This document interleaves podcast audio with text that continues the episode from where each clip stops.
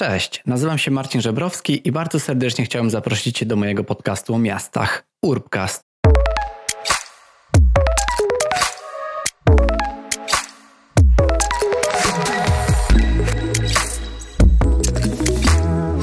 Cześć i dzień dobry. Chciałem Cię serdecznie powitać w najnowszym odcinku Urbcastu. I dzisiaj przed nami kolejny bardzo istotny temat, który jest mi bardzo bliski, ponieważ realizowałem już odcinek na koniec zeszłego sezonu o w miarę podobnej tematyce, ale tylko w miarę, bo rozmawialiśmy z Anią Cyklińską o takim zdrowiu psychicznym w mieście, trochę o takim przebodźcowaniu. Natomiast dzisiaj chciałbym porozmawiać jeszcze bardziej o jeszcze bardziej zagłębić się w taki temat naszej relacji z przestrzenią, tym, co nas otacza, zarówno wewnątrz naszych mieszkań, jak i na zewnątrz, czyli w, w przestrzeni publicznej. I porozmawiamy o zmysłach, bo czuję, że nasze zmysły mają bardzo duże powiązanie z, z naszą przestrzenią dookoła i nasza przestrzeń na nas bardzo wpływa. I zacząłem ostatnio czytać genialną książkę, którą chcę Wam od razu polecić, a nazywa się ona Sitopia. Jest to książka, którą wydało wydawnictwo Wysoki Zamek. Mm, I tam jest właśnie powiedziane o tym, jak to, jak rozwijamy się jako ludzie, sprawia, że przestajemy nadążać za pewnymi sprawami, tak? Czyli jakby cała zmiana, rewolucja industrialna, potem rewolucja teleinformacyjna, czyli że zaczęliśmy spędzać całość naszych dni przed komputerami, jak to bardzo źle wpływa na, na nas jako ludzi, bo nie jesteśmy do tego do końca przystosowani.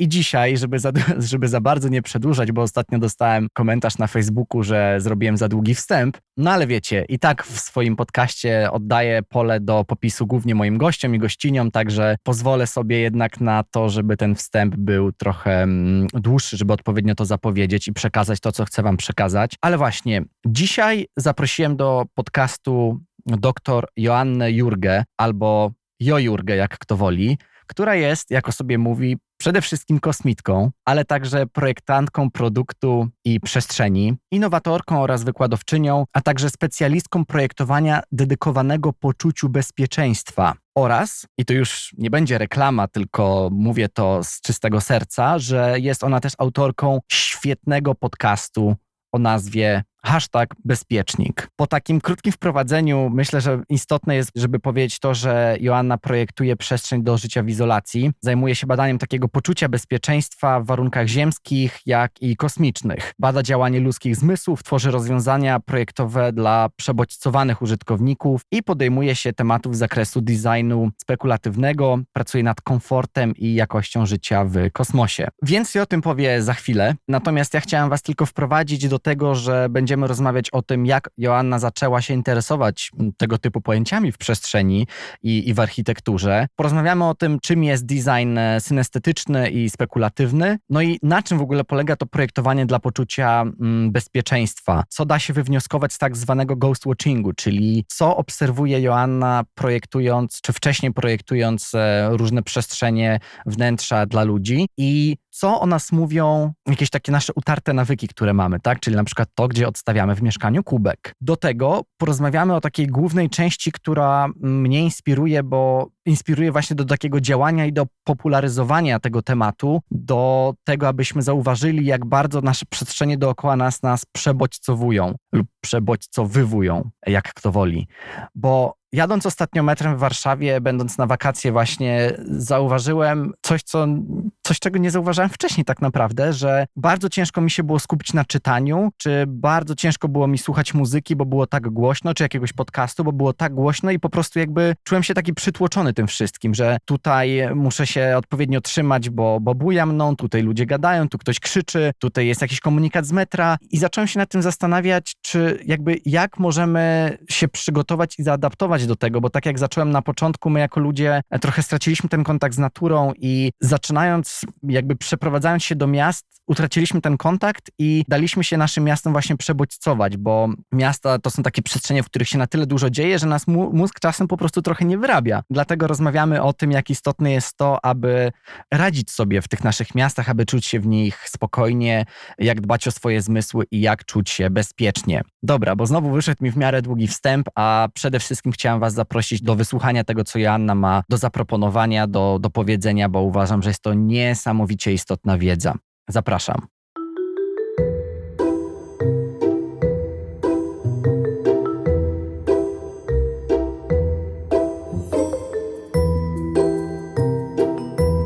A więc tak, w kolejnym odcinku podcastu jest u mnie e, Joanna Jurga. Dziękuję Ci, Joasiu, że zgodziłaś się tutaj przyjść do mojego podcastu. Słuchaj, z radością. Dzień dobry, bardzo mi miło. Cieszę się, że też udało nam się mówić w takim bardzo, bardzo krótkim czasie. Też oczywiście dużo się teraz dzieje. W Twoim życiu no też nie tylko jest, jest do tego jeszcze bardzo, bardzo gorąco obecnie, kiedy nagrywamy, więc tym bardziej się cieszę, że pokonaliśmy jakieś wszystkie różne koleje losu i rozmawiamy. Jestem bardzo szczęśliwa, szczególnie, że jest szczyt wakacji, e, szczyt, znaczy jeszcze pewnie nie szczyt katastrofy klimatycznej, ale czuć, że ona jest i naprawdę jest ciepło. Dlatego e, z racji, że oboje jesteśmy raczej zimnolubni, postaram się, aby ten odcinek był taki skondensowany, żebyśmy tutaj e, po prostu nie, nie odpłynęli od tego upału. Ale właśnie, e, chciałem się ciebie na początek zapytać w ogóle, żebyś tak swoimi słowami powiedziała, czym się na co dzień zajmujesz. O wow, to jest ciekawe pytanie, bo ja chyba nie jestem człowiekiem jednej pracy. W sensie przede wszystkim jestem projektantem i wydaje mi się, że to mnie najbardziej w życiu określa i mam taką jakąś zdolność, umiejętność bądź siłę, supermoc, że uwielbiam obserwować, rzeczywistość i ją naprawiać.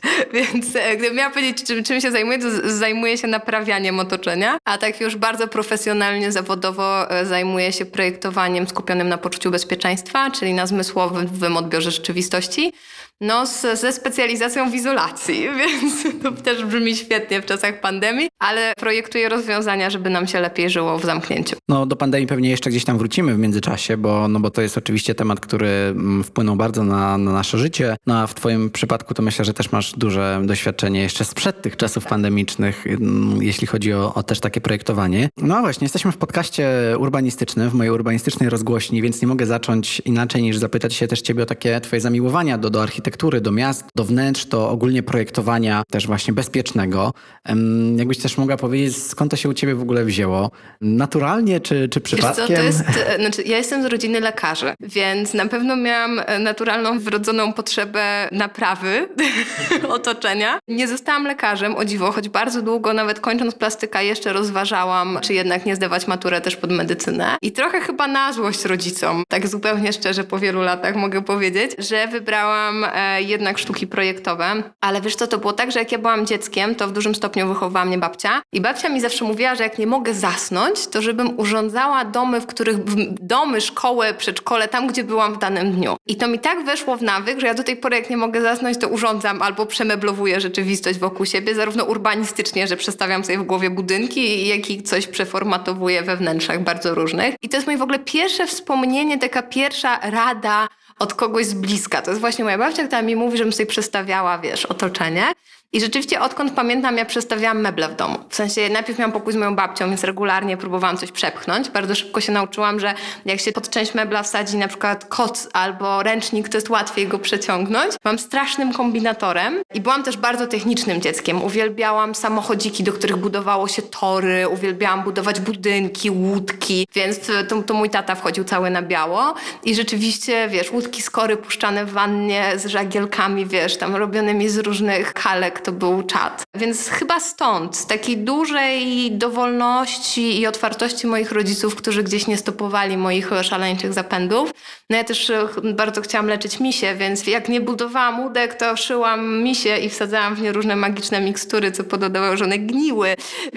Więc myślę, że mieli ze mną bardzo wesoło, ale takie właśnie pierwsze, pierwsze zainteresowanie przestrzenią to jest chyba jednak babcia i masa książek, którą najpierw mi czytano, potem ja czytałam i taka chęć, wiesz, poznania świata.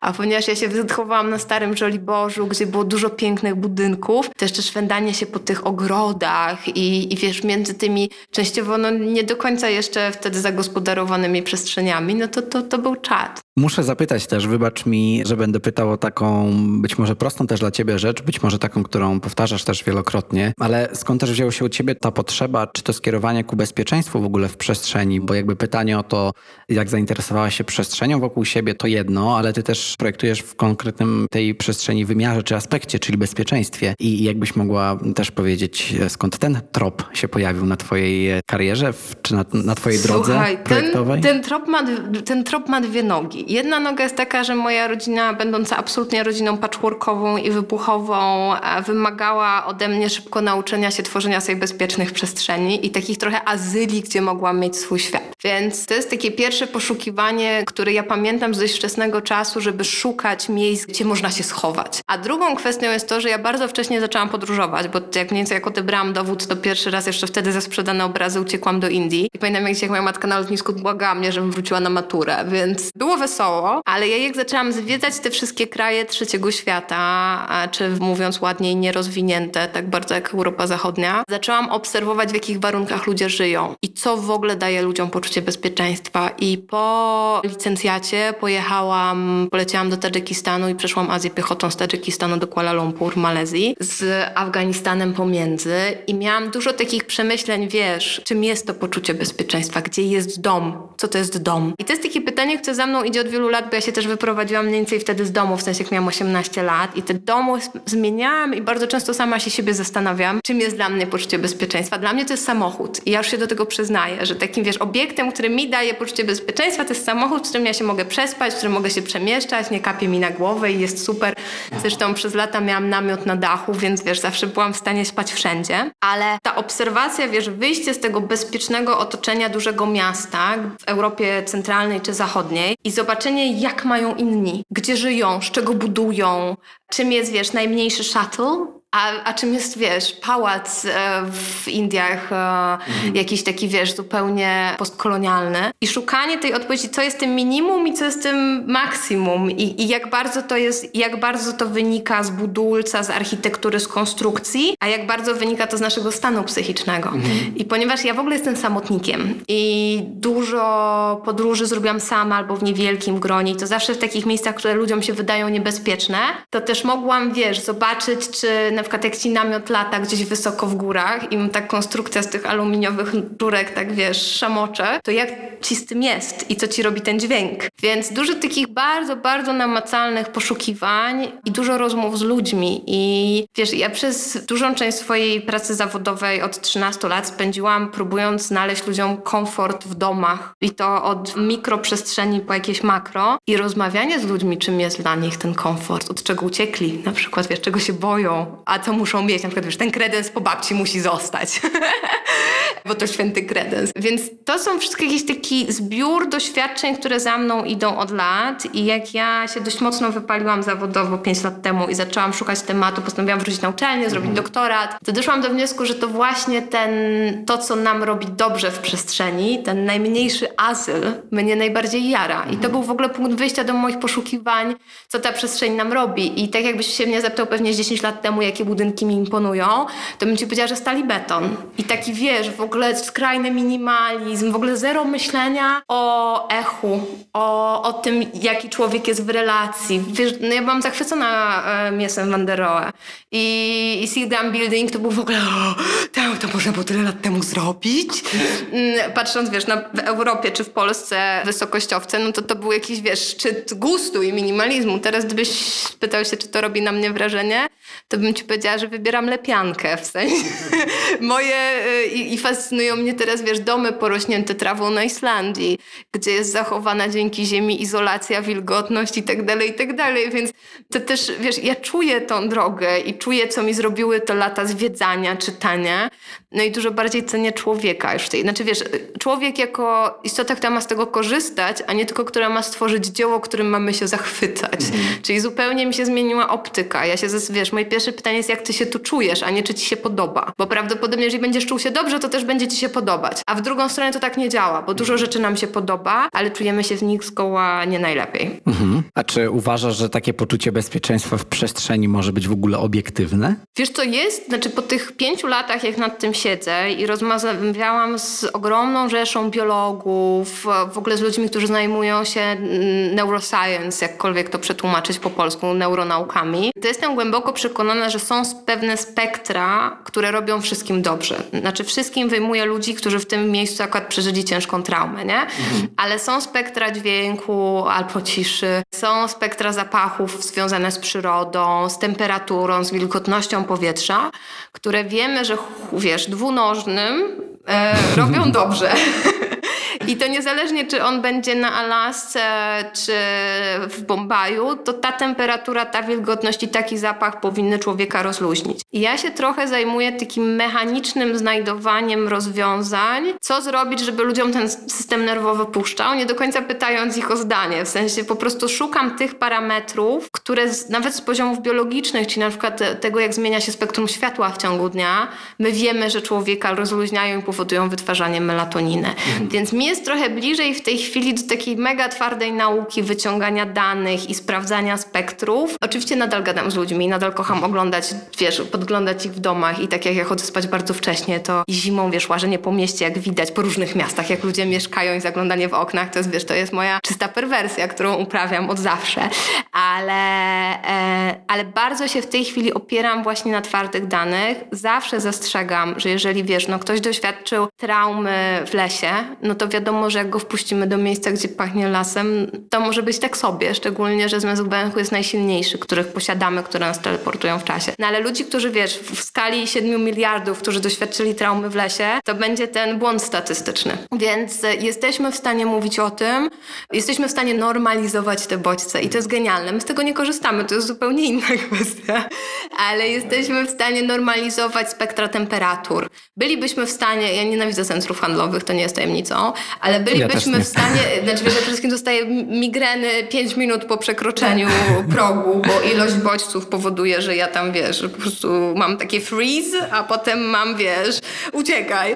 Więc, yy, ale bylibyśmy na przykładzie właśnie takiego hardkorowego miejsca, jakim jest centrum handlowe, bylibyśmy w stanie zaprojektować centrum handlowe, które jest przyjazne użytkownikowi, którego nie męczy, które bycie w nim daje mu jakąś formę przyjemności. Mhm. Nie chciałabym przyłożyć do tego ręki z wielu innych powodów, ale chociażby konsumpcyjnych, ale y, mamy tą wiedzę i jesteśmy w stanie to zrobić, więc to, to tak niestety się nie dzieje, ale, ale to jest właśnie, jeżeli rozmawiamy o takiej parametryzacji, mhm. normalizacji, to ma, te normy są. Ja je po prostu zebrałam do kupy, opisałam i stwierdziłam, wiesz, i sprawdziłam, wiesz, organoleptycznie, jak to się sprawdza.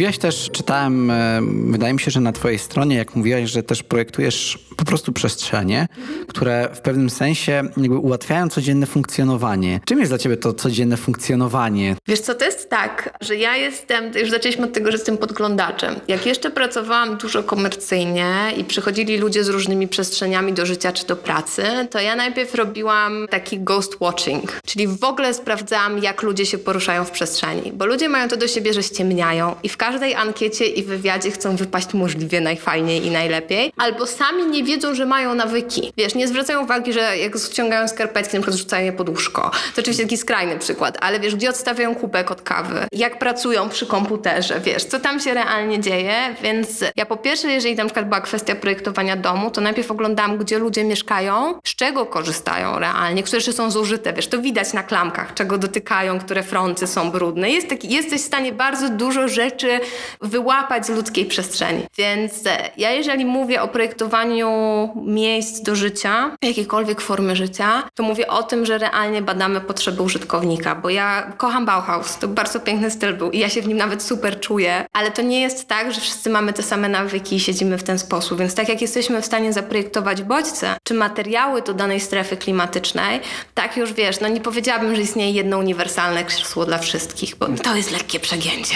Więc, więc jeżeli mówię o projektowaniu przestrzeni, to mówię o tym, że ona wynika z obserwacji w danym miejscu. Teraz na przykład mam studentkę, która będzie, która jest moją dyplomantką i ona chce zrobić, zagospodarować skwer i zrobić małą architekturę na ten skwer. Ona jest Chinką, więc dostała zadanie na wakacje. Znaczy przed wakacjami sprawdzałyśmy, jak ludzie zachowują się na skwerach w dzielnicach mieszkaniowych w Warszawie.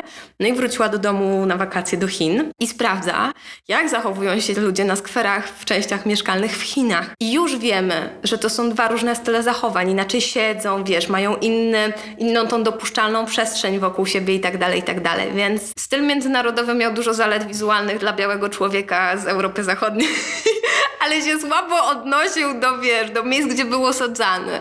Mimo tego, że dla nas jest bardzo piękny. Więc ja jestem bardzo o tej lokalności i o tym, żeby obserwować człowieka. W Chinach na przykład, jak już przytoczyłaś, bardzo podobało mi się to, że ludzie tańczyli w przestrzeni i to jest też coś, czego nigdy nie widziałam w Polsce. No, oczywiście możesz tańczyć w jakimś centrum handlowym, czy na jakieś... E, znaczy, no tak, tak, widziałem, tak, widziałem, tak, widziałem tak. takie rzeczy, że właśnie były jakieś warsztaty z tańca i A na przykład w widziałeś centrum handlowym... rano w parkach starszych ludzi? Bo ja po prostu chodziłam rano do parku, żeby popatrzeć, jak rzesze starówków robią Qigong i miałam tak...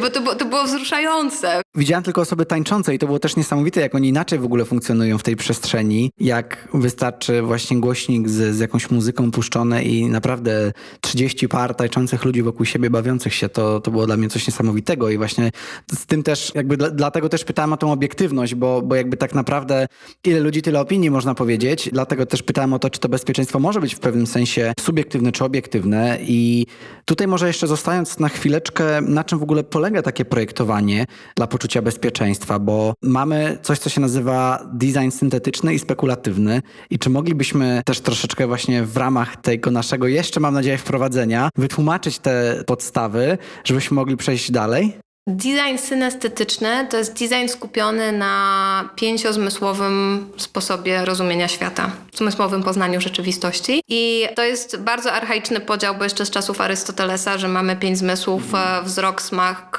węch, e, dotyk i słuch. I idea designu synestetycznego jest taka, że staramy się w jednym obiekcie poruszyć więcej niż jeden zmysł. Czyli jeżeli coś, dajmy na to kubek, świetnie wygląda, to jak wezmę go w rękę, to on będzie również bardzo przyjemny i jak przyłożę go do ust, to również będzie mi nadal miło, a jego materiał sprawi, że na przykład sposób, w jaki układa się, czyli nasz zmysł kinetyczny, czyli ogólnie równowaga i to, co mamy wokół mięśni głębokich, też zadziała, czyli na przykład nie będzie nam wypadał z ręki. I może być na przykład tak zbudowany, że zapach będzie się rozchodził prosto do nosa, że będzie zamknięty z jednej strony i przytrzymywał będzie aromat, przez co podbije nam wrażenia zapachowe. To jest design synestetyczny, czyli wszystko to, co jest skupione wokół wielozmysłowego poznania rzeczywistości rzeczywistości, i to jest coś, na co ja, jak uczę, kładę straszny nacisk, żeby studenci uczyli się macać przedmioty, żeby zamykali oczy i rozpoznawali, gdzie są, żeby słuchali echa, żeby kładli ogromny nacisk na to, czy coś pachnie, bo bardzo wiele rzeczy, na przykład jak coś zamawiam, taki typowy przykład zamawiania produkcji w Chinach, że potem bardzo często te rzeczy mają strasznie wyraźny zapach, którego w ogóle nie jesteśmy w stanie przejść, szczególnie przy tworzywach sztucznych. Więc to jest takie całościowe spojrzenie na przedmiot od strony tego, jak my go doświadczamy. A design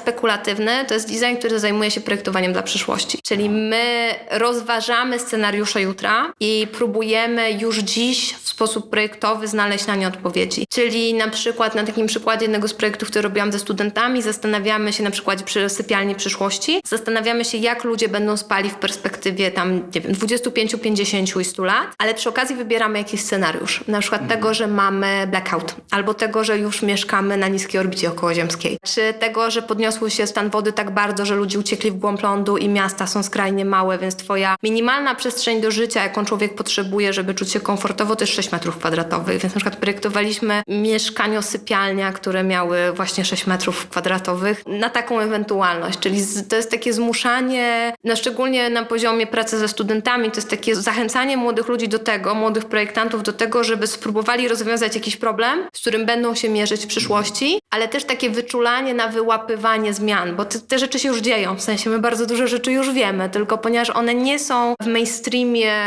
przepływu informacji, tylko nie wiem, są na, w raportach naukowców, no to gdzieś tam umykają rzeczywistości. Więc to jest takie, to jest bardzo dobra ćwiczeniówka. Ja bardzo lubię te zajęcia zawsze, bo one nam pokazują, wiesz, ile że się sprawdziło. Na przykład oglądamy stare filmy science fiction i sprawdzamy, co z tego się udało, a co z tego się nie udało. I staramy się znaleźć rozwiązania na nowe problemy, więc to jest bardzo fajne, bardzo fajny sposób myślenia i projektowania. To nie jest wdrożeniówka, aczkolwiek jak mawiał jeden z profesorów, który uczył mnie na doktoracie, profesor Adam, i teraz nazwiska sobie nie przypomnę, to zawsze mówił, że my zawsze projektujemy dla przyszłości, bo od tego momentu, jak mamy pomysł, do momentu czy realizacji obiektu, czy wdrożenia, no zawsze mija kilkanaście miesięcy albo lat, więc to zawsze jest rozwiązywanie e, zagadnień dla przyszłości. No i myślę, że pandemia najlepiej pokazała, jak szybko mogą zachodzić zmiany. Wiesz, dwa lata temu w lipcu nikt nie zakładał, że tak będzie wyglądać wyglądać nasza rzeczywistość, a ona tak wygląda, więc nie można lecieć, wiesz, na weekend na wystawę do Londynu,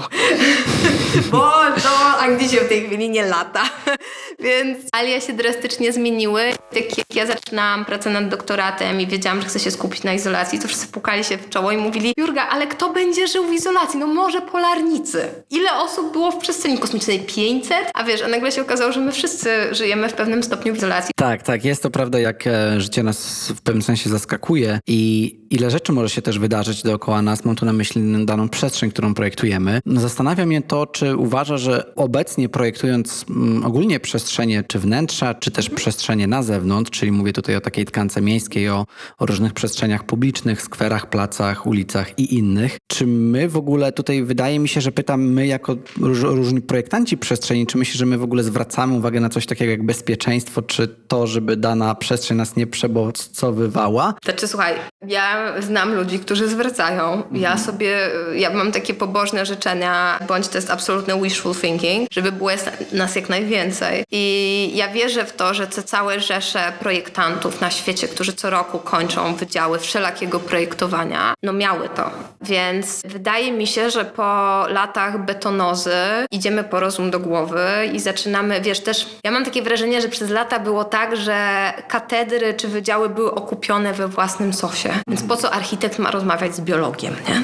Albo po co ci neuroarchitektura? W ogóle co to za pomysł? A teraz nagle, wiesz, otwieramy drzwi, otwieramy okna, wpuszczamy świeże powietrze i dochodzimy do wniosku, że to archaiczne dzielenie wszystkiego na, wiesz, boksy, to nie działa. I jeżeli nie zaczniemy tworzyć pomostów i wymieniać się wiedzą, bo te dziedziny zaczęły bardzo się łączyć i bardzo ze sobą współdziałać, no to polegniemy. A ponieważ ja nadal uważam, że my jesteśmy już w kryzysie klimatycznym i to nie jest rozmowa kiedy, tylko jak bardzo, to no jedyne, co możemy robić, to zacząć łączyć siły. Więc ja widzę już ten, wiesz, widzę to parcie do łączenia, wiesz, widzę jak różne zespoły się budują i że to są zespoły jednak multidyscyplinarne i moje serduszko się super bardzo cieszy. Więc myślę, że absolutnie idziemy w tą stronę, że tego będzie coraz więcej, bo nas tak dojechało to, co zrobiliśmy sobie przez dziesięciolecia ostatnie i stworzyliśmy przestrzenie absolutnie nie do życia, gdzie ten wzrost, wiesz, i depresji, i zaburzeń lękowych, i, i wszelkich zaburzeń psychiatrycznych na podłożu psychiatrii, czy wręcz chorób autoimmunologicznych, no to oczywiście stres tempo życia, wiesz, internety i tak dalej, ale no to też jest ten betonowy Saigon, który mamy wokół siebie obłożony styropianem, nie? Więc e, ja jestem przekonana, że jesteśmy coraz mądrzejsi i, i że jednak będziemy wracać do tego, że materiały to lokalne i drzewa, bo dają cień, a poza tym jeszcze dają wow tlen, tak jakbyśmy nigdy o tym nie wiedzieli. Więc, więc mam takie wrażenie, że no wiesz, my się nie uczymy na błędach. My musimy sami, znaczy na cudzych błędach. My się uczymy co najwyżej na swoich, więc jako społeczności i społeczeństwa popełniliśmy już na tyle dużo, no że zaczynamy wprowadzać zmiany. Więc jak widzę, że gdzieś zrywają beton i zaczynają sadzić drzewa i ktoś dochodzi do wniosku, że może trzeba by było na przykład wprowadzać zieleń pionowo albo zastanawiać się, jak wietrzyć miasta. Wiesz, kiedyś w urbanistyce było znane pojęcie tuneli powietrznych. Ostatnie parę lat trochę zostało wyparte, więc wiesz, mam wrażenie, oczywiście nie wyburzymy nagle całych dzielnic mieszkaniowych, żeby odzyskać przeciąg w takiej przysłowiowej Warszawie. To takie przykładowe miasto, które miało to zapewnione, ale jestem przekonana, że, że jednak wiesz, idziemy po rozum do głowy. Przynajmniej tego chciałabym sobie życzyć. Ja się boję tylko, że jak już będziemy właśnie wyedukowani pod kątem tego, czym jest ta bezpieczna przestrzeń i, i, taka przestrzeń, w której chcielibyśmy się odnajdywać, to że to, to ma też taki potencjał marketingowy, nawet taki szkodliwo-marketingowy. Tutaj zmierzam do tego, że ja czasem lubię się przyczepić do jakiegoś pewnego sformułowania, czy danego trendu może i, i na przykład narzekałem trochę na trend po prostu sustainable cities i trendu takiego zrównoważoności, bo uważam, że oczywiście nie ma nic złego w takim zrównoważonym rozwoju, natomiast w momencie, gdy używamy tego zbyt często, używamy tego jako slogan, to traci to jakiekolwiek znaczenie. I tak samo zastanawiam się pod kątem takich przestrzeni czy projektowania m, mm, takiego, które odpowiada na nasze zmysły i też projektowania bezpiecznego w sposób bezpieczny. Czy, no bo już tak naprawdę słyszy się o różnych koncepcjach typu safe cities. I czy uważasz, że może dojść do takiego momentu i tutaj tak spekulatywnie właśnie, czy może dojść do takiego momentu, że, że to będzie tak powszednie, że ten, że wszystko, co będziemy projektować nagle stanie się bezpieczne, że dojdziemy do takiego momentu, gdzie wszystko będzie musiało być bezpieczne i zamkniemy się w takiej bańce bezpieczeństwa. Znaczy wiesz co, to jest bardzo ciekawe, co mówisz. Znaczy, tak, to, co się stało z, z ideą miast czy przemysłu, który jest zrównoważony, przez ostatni rok ma jeszcze drugie wcielenie, że coś jest mindful. Mindful eating, mindful buildings, mindful whatever. I wszyscy są mindfulness i wszystko jest, wiesz, wszystko jest zen. Mnie, dla mnie to działa jak płachta na byka, bo ja praktykuję zen od 17 lat i przesiedziałam swoje w klasztorze i jak widzę te zen city, które myślę, że autor nawet nie wie, co to znaczy, to mnie tam telepie w środku. Więc myślę, że przyjdzie taki moment, że będzie mnie też telepać z tego powodu, że będę czytać, wiesz, ogłoszenia nowych deweloperów, gdzie będę czytać, że mamy zaprojektowany system światła, który intuicyjnie dobiera natężenie do twojego dzisiejszego, e, o, do twojego chronotypu, tak, żebyś wstawał i kładł się odpowiednich dla siebie porach, a wilgotność powietrza zostanie utrzymana zgodnie, wiesz, nie wiem, miejsca, z którego pochodzisz. Ja jestem w stanie sobie to wyobrazić. Gorzej ja w pewnym sensie przykładam do tego ręce, bo wszystkie badania, które prowadzę i to, na czym się skupiam i to, o czym piszę, jest dokładnie o tym, więc tak naprawdę daję gotowe rozwiązania, jak to zrobić. Marketingowo ktoś na tym kiedyś bardzo dużo zarobi. Jestem przekonana, że to nie będę ja. E, e, A powinna. E, pewnie tak, tylko ty. że ja jestem, wiesz, ja jestem świetna w robieniu i pewnie nie najlepsza w monetyzacji, więc ja kocham gadać, więc ja wszystkich chętnie wszystkiego nauczę. To jest tak, że jeżeli my naprawdę nie skończymy w zamkniętych habitatach, bo nie będzie innej opcji, wiesz, jednym z możliwych kierunków przyszłości, które ja rozważam jest to, że po prostu ta planeta nas dłużej nie udźwignie i jedyne, co będziemy w stanie zrobić, to albo się zakopać pod ziemią, albo po prostu stworzyć zamknięte przestrzenie, w których będziemy w stanie funkcjonować. Połowa społeczeństwa tego nie wytrzyma mentalnie. No co najmniej 20% według badań. W sensie tak, wiesz, realnie na to patrząc, po prostu ludzie żyjąc w zamknięciu e, tego nie dźwigną. Więc z powodu różnych powikłań chorobowych podejrzewam, że część świata po prostu tego nie przetrwa. No ale zostanie nam kilka miliardów ludzi nadal, które trzeba będzie skolonizować albo skoszarować. No i wtedy wszystkie pomysły na to, żeby technologicznie im pomóc, będą super. Pytanie, kto tym będzie zarządzał. Nie wiem, czy chcę znać odpowiedź na to pytanie. Nie wiem, czy chcę sobie wyobrażać, bo jak patrzę na tendencje różnych krajów, w tym naszą, w takim, wiesz, nacjonalizującym, dyktatorskim kierunku, to naprawdę nie chcę wiedzieć, kto będzie tym zarządzał. Ja nawet nie wiem, czy chcę wiedzieć, czy ja tego dożyję. Wolałabym nie. To jest ten bardzo, bardzo czarny scenariusz. Mam nadzieję, że wtedy już będę na Marsie, jeżeli nadal będę żyła. I to też będzie życie w zamknięciu, ale z własnej woli. Ale jeżeli rozmawiamy o takim strasznym wypadku tego, że to zostaje zaciągnięte przez system, to tak długo jak to będzie służyć ludziom, tak długo jak naprawdę będzie się zmieniać oświetlenie na ulicach miast, będzie się wygaszać nocą, no wszystkie te wprowadzimy znowu zieleń, wiesz, zaczniemy pilnować, żeby w budynkach była w ogóle realna wentylacja, coś co, wiesz, teoretycznie dla architektów to brzmi jak oczywistość, no ale przejdź się po blokach w Polsce i sprawdź, ile kanałów wentylacyjnych jest drożnych i co ludzie tam wpychają. Więc jestem przekonana, że jeżeli rzeczywiście będzie tak, że, że to będzie wykorzystywane na masową skalę, no to jak ze wszystkim. Częściowo będzie wykorzystywana dobrze, a częściowo dla hajsu. No i na to już nie mamy wpływu. W sensie taka jest konstrukcja ludzka. Fajnie, że, żeby w jak największym stopniu była, była wykorzystywana publicznie. E, I fajnie, gdyby coś zaczęło od szkół i przedszkoli. To jest w ogóle moje marzenie, żebyśmy tworzyli miejsca skupione na edukacji właśnie w taki sposób, żeby one były, wiesz, opiekujące się e, młodymi ludźmi. Ale jeżeli to pójdzie w stronę, wiesz, no bo niestety tymi wszystkimi bodźcami, co pokazują badania w Habitacie, które prowadziłam, w sensie w mobilnej stacji Lunares, pokazują też, jak bardzo można człowieka skrzywdzić, bawiąc się, wiesz, oświetleniem czy nawilżeniem powietrza. Więc no to jest taka broń obosieczna i ja oczywiście z radością opowiadam o tych wszystkich dobrych rzeczach, no ale jak wszyscy wiemy, najgorszą torturą i najtańszą, jaką można było stosować, to nie dać ludziom zasnąć. Więc e, co tak naprawdę w obecnych miastach nie jest trudne do zrobienia. więc, e, więc no ten miecz ma dwie strony i, i mam nadzieję, że będziemy ją wykorzystywać dla ludzkości, ale czy to się nie skończy tak jak z dynamitem, no to e, zobaczymy.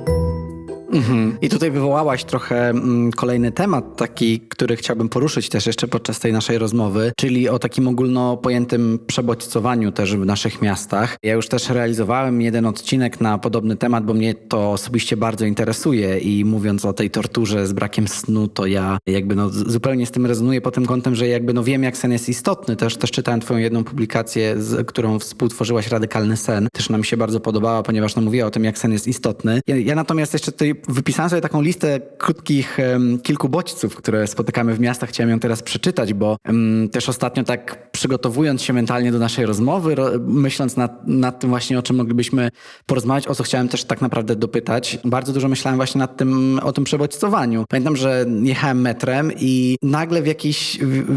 Próbowałem też słuchać twojego podcastu, o którym mam nadzieję, że wspomnimy na koniec i no autentycznie nie byłem w stanie go słuchać, bo, bo było tak głośno dookoła, przez metro, przez jakieś rozmowy.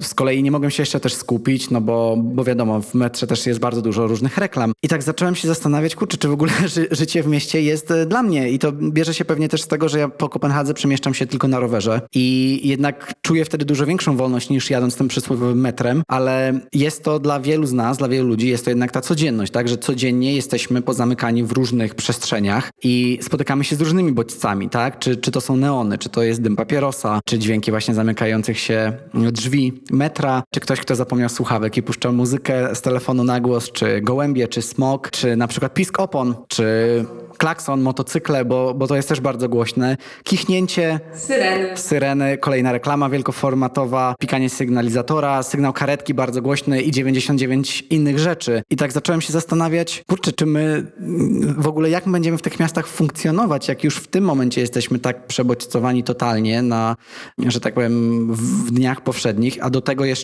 doliczyłbym szczególnie dzisiaj taki bodziec, jakim jest wysoka temperatura. Dużo tego. Także mam nadzieję, że nie przytłoczyłem ciebie czy słuchaczy tą ilością bodźców, z którymi się spotykamy, ale jakbyś mogła nam troszeczkę wytłumaczyć właśnie, jak na te bodźce reagujemy jako ludzie i być może jak możemy no właśnie dbać o siebie, jak projektować też w taki sposób, żebyśmy nie byli aż tak przebodźcowani, po prostu żeby żyło nam się w tych naszych miastach i nie tylko miastach trochę lepiej. Znaczy słuchaj, ja jestem w ogóle pod wrażeniem ilości, którą wymieniłeś, myślę, że to jest 10% realnie tego, czego doświadczamy, ponieważ człowiek ma tak zbudowany mózg, że my świadomie rejestrujemy tylko jakieś spektrum bodźców, a ogromna część jest rejestrowana przez nas nieświadomie, co powoduje, że na przykład to, że ja widzę ciebie w tej chwili, bo siedzimy naprzeciwko siebie i robię to świadomie, no to wiem o tym, ale całe moje widzenie peryferyjne, czyli przestrzeń, w której siedzimy, to co się dzieje na, za oknem i tak dalej, ja tego świadomie nie rejestruję, ale mój mózg to wszystko odbiera, co powoduje, że to, o czym powiedziałeś, to są rzeczy, które świadomie wynotowałeś, a tam jest jeszcze cały worek rzeczy, których nie wynotowałeś, jak chociażby zapach bezdomnego, którego mijałeś po drodze i, i wiele, wiele, wiele, wiele innych rzeczy rzeczy. Albo coś, na czym ci się na chwilę zawiesiła myśl pod tytułem, o, odnowili elewację. Ale tego jest oczywiście bardzo dużo, bo kiedyś musiałeś zarejestrować, że ona była nieodnowiona, więc tak jakby to się na siebie nakłada. I ja mam wielką nadzieję, że my jesteśmy w piku doświadczeń miejskich. Że teraz ze względu na różne osiągnięcia technologiczne i wiedzę, którą mamy, będziemy z tego piku schodzić. Co znaczy, że na przykład wprowadzenie elektromobilności, która ekologicznie jest wątpliwa w takich krajach jak Polska, ale bo skądś ten prąd trzeba brać. A węgiel nadal jest jaki jest, ale ona jednak jest cicha. I oczywiście my złapaliśmy się jako ludzkość na tym, że musimy projektować dźwięki do samochodów czy motocykli elektrycznych, bo pojawiło się ogromne zagrożenie w postaci tego, że my nie słyszymy, że coś nadjeżdża, co jest gigantycznym problemem w motocyklach. Ja sama jeszcze na motocyklu i motocykl oczywiście nie powinien nas zabijać hałasem, bo nie jestem z tego plemienia, ale motocykl powinno być słychać, bo na ogół go nie widać. Więc szczególnie jak jeździsz samochodem, ty nie widzisz motocyklu w lusterku, ale jak go słyszysz, to wiesz, że nadjeżdża. Więc złapaliśmy się na tym, że te dźwięki jednak trzeba projektować, ale skala i spektrum tych dźwięków będzie dużo niższa niż to, co mamy w tych miastach spalinowych. Więc tu jest, jako nadal miłośniczka 6-litrowych, znaczy 4-litrowych fałszustek, wiem, że przyszłość leży w tym miejscu i to już obniży nam spektrum dźwięków. Stosowanie w nowym budownictwie trzyszybowych okien. To jest kolejna rzecz, która ma szansę obniżyć nam spektrum hałasu wewnątrz. Prowadzenie jak największej ilości zieleni, która nadal super wygłusza, oczyszcza i robi dużo innych fajnych rzeczy i utrzymuje wilgotność, no to znowu jest wszystko o powietrzu i znowu wyciszenie. Ustawianie budynków w taki sposób do siebie, e, żeby nie potęgowały echa i wybieranie takich układzin elewacyjnych, które już mamy i one istnieją, które pochłaniają hałas, a nie go odbijają. Więc ja wierzę w to, że takie panele akustyczne i nie myślę o tych szpetotach, które stoją wzdłuż polskich miast, tylko naprawdę o fajnych rozwiązaniach, to jest, ja widzę światełko w tunelu. W sensie przez to, że my o tym mówimy, ja widzę jak przez ostatnie lata te tematy stają się coraz bardziej powszechne. Ludzie się upominają o, o swoją przestrzeń, o swoją jakość życia. Więc to jest coś, co myślę, że idziemy w dobrym kierunku. Z rzeczy, które my jako ludzie możemy zrobić sami sobie, to jest przede wszystkim świadome wybieranie miejsc do życia. Ja wiem, że to brzmi absurdalnie, ale my mamy decyzję, na co bierzemy kredyty. Tym, co możemy zrobić w swoich domach, to przede wszystkim świadomie wybierać przestrzenie, w których chcemy mieszkać. Czyli jeżeli wybieramy na przykład nowe mieszkanie, które wynajmujemy albo kupujemy, to sprawdźmy, gdzie są najbliższe tereny zielone. Czy jest planowana w ogóle zieleń wokół naszego budynku, czy są nadal jakieś drzewa, albo czy będą nasadzenia. Jeżeli możemy, to oczywiście też jest, wiesz, to jest bardzo życzeniowe, ale wybierajmy przestrzenie raczej ze starą zabudową. Bądźmy świadomi tego, gdzie są najbliższe ulice, albo czy są planowane. Ludzie bardzo często zapominają sprawdzić plany urbanistyczne. I potem są takie odkrycia, że wiesz, nie wiedziałem, że trasa szybkiego ruchu będzie centralnie pod moim balkonem. Więc pierwsze co jest, to sprawdźmy, jak nasz plan na miejsce na życie wygląda na mapie. Po drugie, jeżeli to nie jest mieszkanie dziedziczone, to bardzo dokładnie sprawdźmy swoje potrzeby. I to, jak my z tego mieszkania korzystamy. Sprawdźmy ilość powierzchni twardych do miękkich, co robić, żeby nie było echa, wiesz, czy można się gdzieś zamknąć i pracować, czy to będzie tylko przysłowiowa toaleta, gdzie będziemy sami. Więc takie rzeczy jesteśmy w stanie planować, jeżeli dziedziczymy, czy, czy mamy coś rodzinnie starego, czy pokoleniowego, to też spróbujmy te przestrzenie znaleźć dla siebie na nowo. Wszędzie, gdzie możemy, nasadzajmy. To jest w ogóle, wiesz, ja będę, kiedyś się śmiałam, że jestem orędownikiem żarówek, ale zaczynam być też absolutnym orędownikiem zieleni, bo to, że zieleń nas ratuje we wnętrzach, no szczególnie jak żyjemy no, gdzieś bliżej raczej północy i nie mamy całą zimę kontaktu z prawdziwą zielenią, to wprowadzajmy ją do swoich wnętrz i ja się śmieję, że symbolem pandemii jest Monstera, ale to, że zaczęliśmy w ogóle mieć tego typu pomysły, że dom może być dżunglą, jest ekstra, bo to jest dobre i na powietrze, i na wilgotność, i na nasz well-being, bo my po prostu atawistycznie potrzebujemy zieleni. Więc e, działajmy w naszych wspólnotach mieszkaniowych czy zarządach, bo mamy takie poczucie, że ktoś to zrobi za nas. No nie. To my odpowiadamy za to, gdzie mieszkamy. Mamy budżety partycypacyjne, bierzmy w nich udział. To nie jest tak, że tam się dostają jacyś magiczni ludzie i oni dostają, wiecie, że jakieś magiczne projekty robią, tylko w tej chwili większość cywilizowanych miast pyta się swoich mieszkańców, czego potrzebujecie i na to jest hajs. Więc ja y, sama będąc aktywistką, wiesz, mam taką potrzebę mówienia ludzi, słuchajcie, możemy to zrobić, możemy to zmienić, możemy zadecydować, że nie tylko posadzą nam ileś drzew, tylko my też je posadzimy. Mhm. Albo, że jeżeli musimy odnowić elewację budynku, to po pierwsze sprawdzimy, jak ona wyglądała historycznie, bo może kiedyś jakiś architekt miał na to dobry pomysł, bo to z takiego szacunku w ogóle do, do dziedzictwa, ale przy okazji też sprawdzimy, co możemy zrobić właśnie, że może, możemy zrobić panele, które będą pochłaniać dźwięk, albo możemy wprowadzić okładziny zielone. Więc e, wiesz, podchodzimy do tego odpowiedzialnie i nie uprawiamy spychlandii, że zrobi to dla nas pani w zarządzie, bo nie zrobi. Tam są na ogół bardzo miłe panie, świetnie robią tabelki i mało wiedzą o architekturze. Trzeba też wyjść z założenia, że większość ludzi pracujących w urzędach nie zawsze ma czas, możliwości i mentalne, i przestrzenne, żeby szukać nowych rozwiązań, więc e, ja zawsze zachęcam do tego, żeby ludzie brali trochę sprawy w własne ręce. I okej, okay, jest chujowo, nie ukrywajmy, ale to nie znaczy, że nie może być lepiej. Więc myślę, że bardzo dużo my możemy zmienić. I jak patrzę, wiesz, na młode pokolenia, na te już następne, ja idę tym w tej grupie 30, plus, więc jak patrzę na tych 20, plus, to wiesz, widzę nadzieję. W sensie, po pierwsze, dostęp do informacji, łatwość przekraczania barier, to, że my już jest, mamy takie poczucie, że jesteśmy obróceni więc e, mam takie poczucie, że jest na to przestrzeń, żebyśmy otworzyli sobie lepsze miejsce na, do życia. I oczywiście możemy uciec w przysłowiowe Bieszczady, tylko tam też coś trzeba zrobić. Mhm. A tam ta przestrzeń też już jest bardzo zanieczyszczona.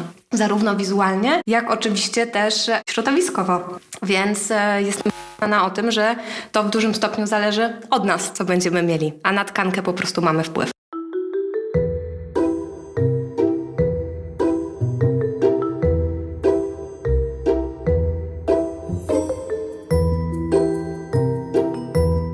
Odnośnie tej edukacji, ja też w tym, w tym celu takim edukacyjnym tworzę swój podcast, też dlatego się cieszę, że rozmawiamy, bo ja staram się dać właśnie w pewnej pigułce informacje, tak żeby ludzie, którzy słuchają tego podcastu, też mogli sami zacząć w pewnym sensie działać, nadbudowywać na tej zdobytej wiedzy. No i tutaj dlatego tak już podsumowując, chciałbym cię zapytać o to, gdzie ktoś, kto chciałby dowiedzieć się czegoś więcej na temat tego, jak się projektuje, tak aby te przestrzenie były bezpieczne, tak aby jednak przebodźcowywać się trochę mniej I tutaj mówię jakby i jako projektant, ale też jako użytkownik, jak te miejsca może też wybierać, jak na nie wpływać w ten taki bezpośredni i pośredni sposób, bo podejrzewam, że da się w, na dwa sposoby, bo wspominaliśmy też o różnych wyborach, tak? Czyli, że mamy wybór, gdzie potencjalnie mamy wybór, gdzie możemy zamieszkać, mamy potencjalnie wybór, czy będziemy na przykład uczestniczyć w, w budżecie partycypacyjnym, czy też nie, więc są pewne wybory, a jakby jak do tego dojść, jak osiągnąć ten poziom, że wiemy, że okej, okay, moja przestrzeń, w której na co dzień jestem, mnie przebodźcowuje, chcę coś z tym zrobić. Wiesz co, ja myślę, że przede wszystkim od książek. W sensie jako naprawdę orędowniczka czytania, to chyba pierwsze, gdzie bym odsyłała ludzi do, Palasmy. Bo on jest myśl, i myśląca dłoni, oczy skóry, to jest taka w ogóle, wydaje mi się, że to jest język zrozumiały dla każdego, a mówi dlaczego przestrzeń jest ważna też zmysłowo. Na pewno Edward Hall z innym wymiarem, bo to też jest fajne. Na pewno taka fajna książka Martina Grunwalda Homo Hapticus o tym, jak jak człowiek bardzo jest dotykowy i haptyczny.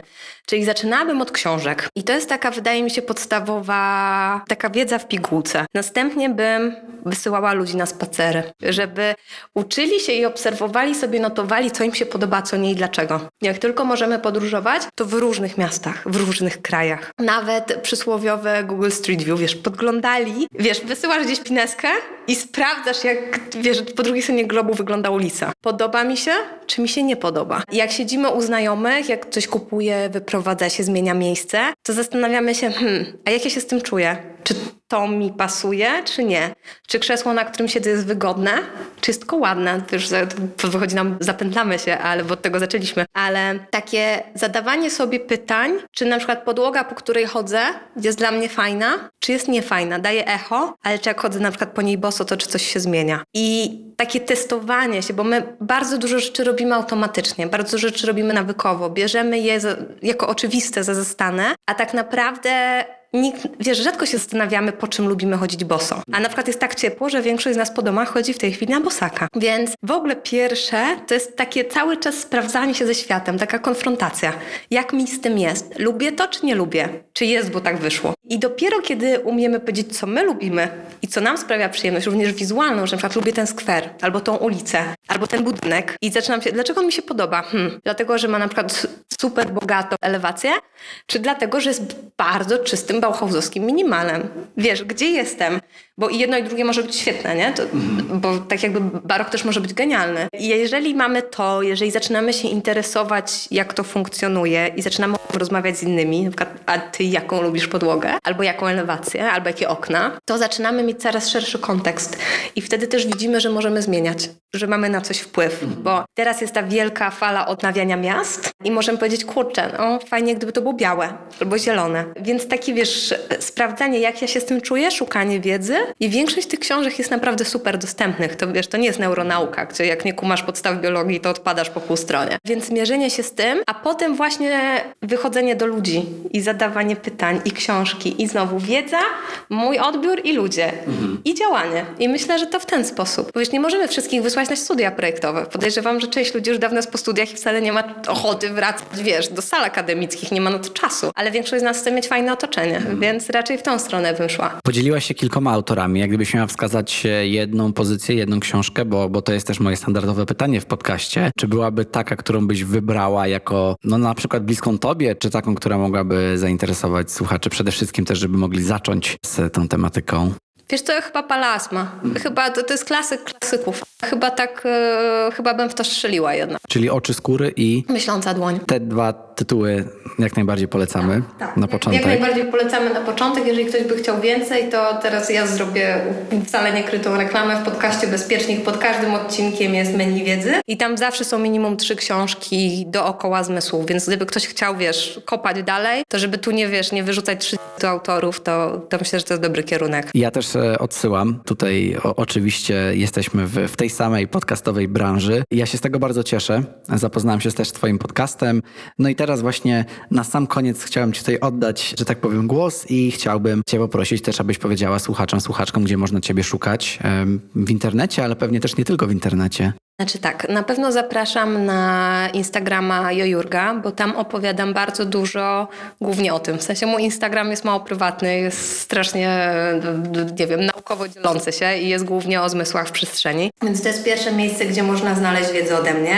E, jest też moja strona jannajurga.com, e, jest podcast Bezpiecznik, o którym powiedzieliśmy. Ja na bieżąco mówię, jak gdzieś się pojawiam i gadam, a gadam dużo i regularnie, więc w różnych podcastach na ogół o tej, o podobnej U mnie na stronie w zakładce podcasty są i moje podcasty, i podcasty gościnne, w których wystąpiłam i tam jest przegląd wszystkich, e, wszystkich temacików, więc do tego serdecznie zapraszam. A jak ktoś ma jakieś pytania, to po prostu piszcie. Zawsze staram się odpowiadać, więc jak ktoś ma jakieś e, dodatkowe potrzeby, to, to się podzielę. Jo, bardzo Ci dziękuję za tą naszą rozmowę. Ja również. Dużo się nauczyłem i mam nadzieję, że to samo będą mogły i mogli powiedzieć słuchacze, słuchaczki. Odsyłam też do Twojego podcastu. No i mam nadzieję, że gdzieś w tej przestrzeni się jeszcze tutaj spotkamy. Z radością bardzo dziękuję i do usłyszenia. Dziękuję, do usłyszenia.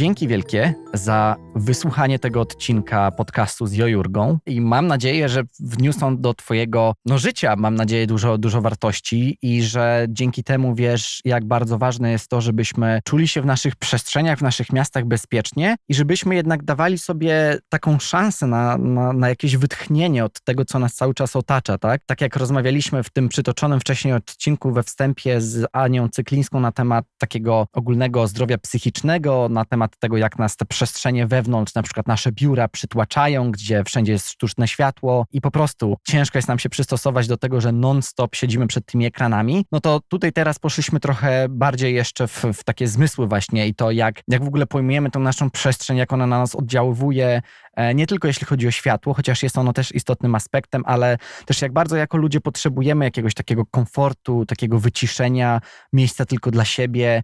No i że po prostu to, że jednego dnia wolimy zamiast wyjść ze znajomymi, po prostu posiedzieć sobie w ciszy pod kocem z książką, pijąc herbatę czy kawę, to to jest wszystko ok. I nawet takiemu ekstrawertykowi jak mi się to czasem zdarza i to naprawdę jest dobre, żeby dać swoim zmysłom się wyciszyć. Wow. Mam nadzieję, że Wam się podobało, bo mi bardzo rozmowa z Joanną się podobała i uważam, że ten temat jest niesamowicie istotny. Joanna, dziękuję Ci, a ja Was zapraszam do przesłuchania podcastu Joanny Bezpiecznik, a także do oczywiście kontynuowania słuchania Urbcastu, do śledzenia mnie na mediach społecznościowych, do oceniania tego podcastu na Apple Podcast i do zapisania się do newslettera. Dzięki, do usłyszenia.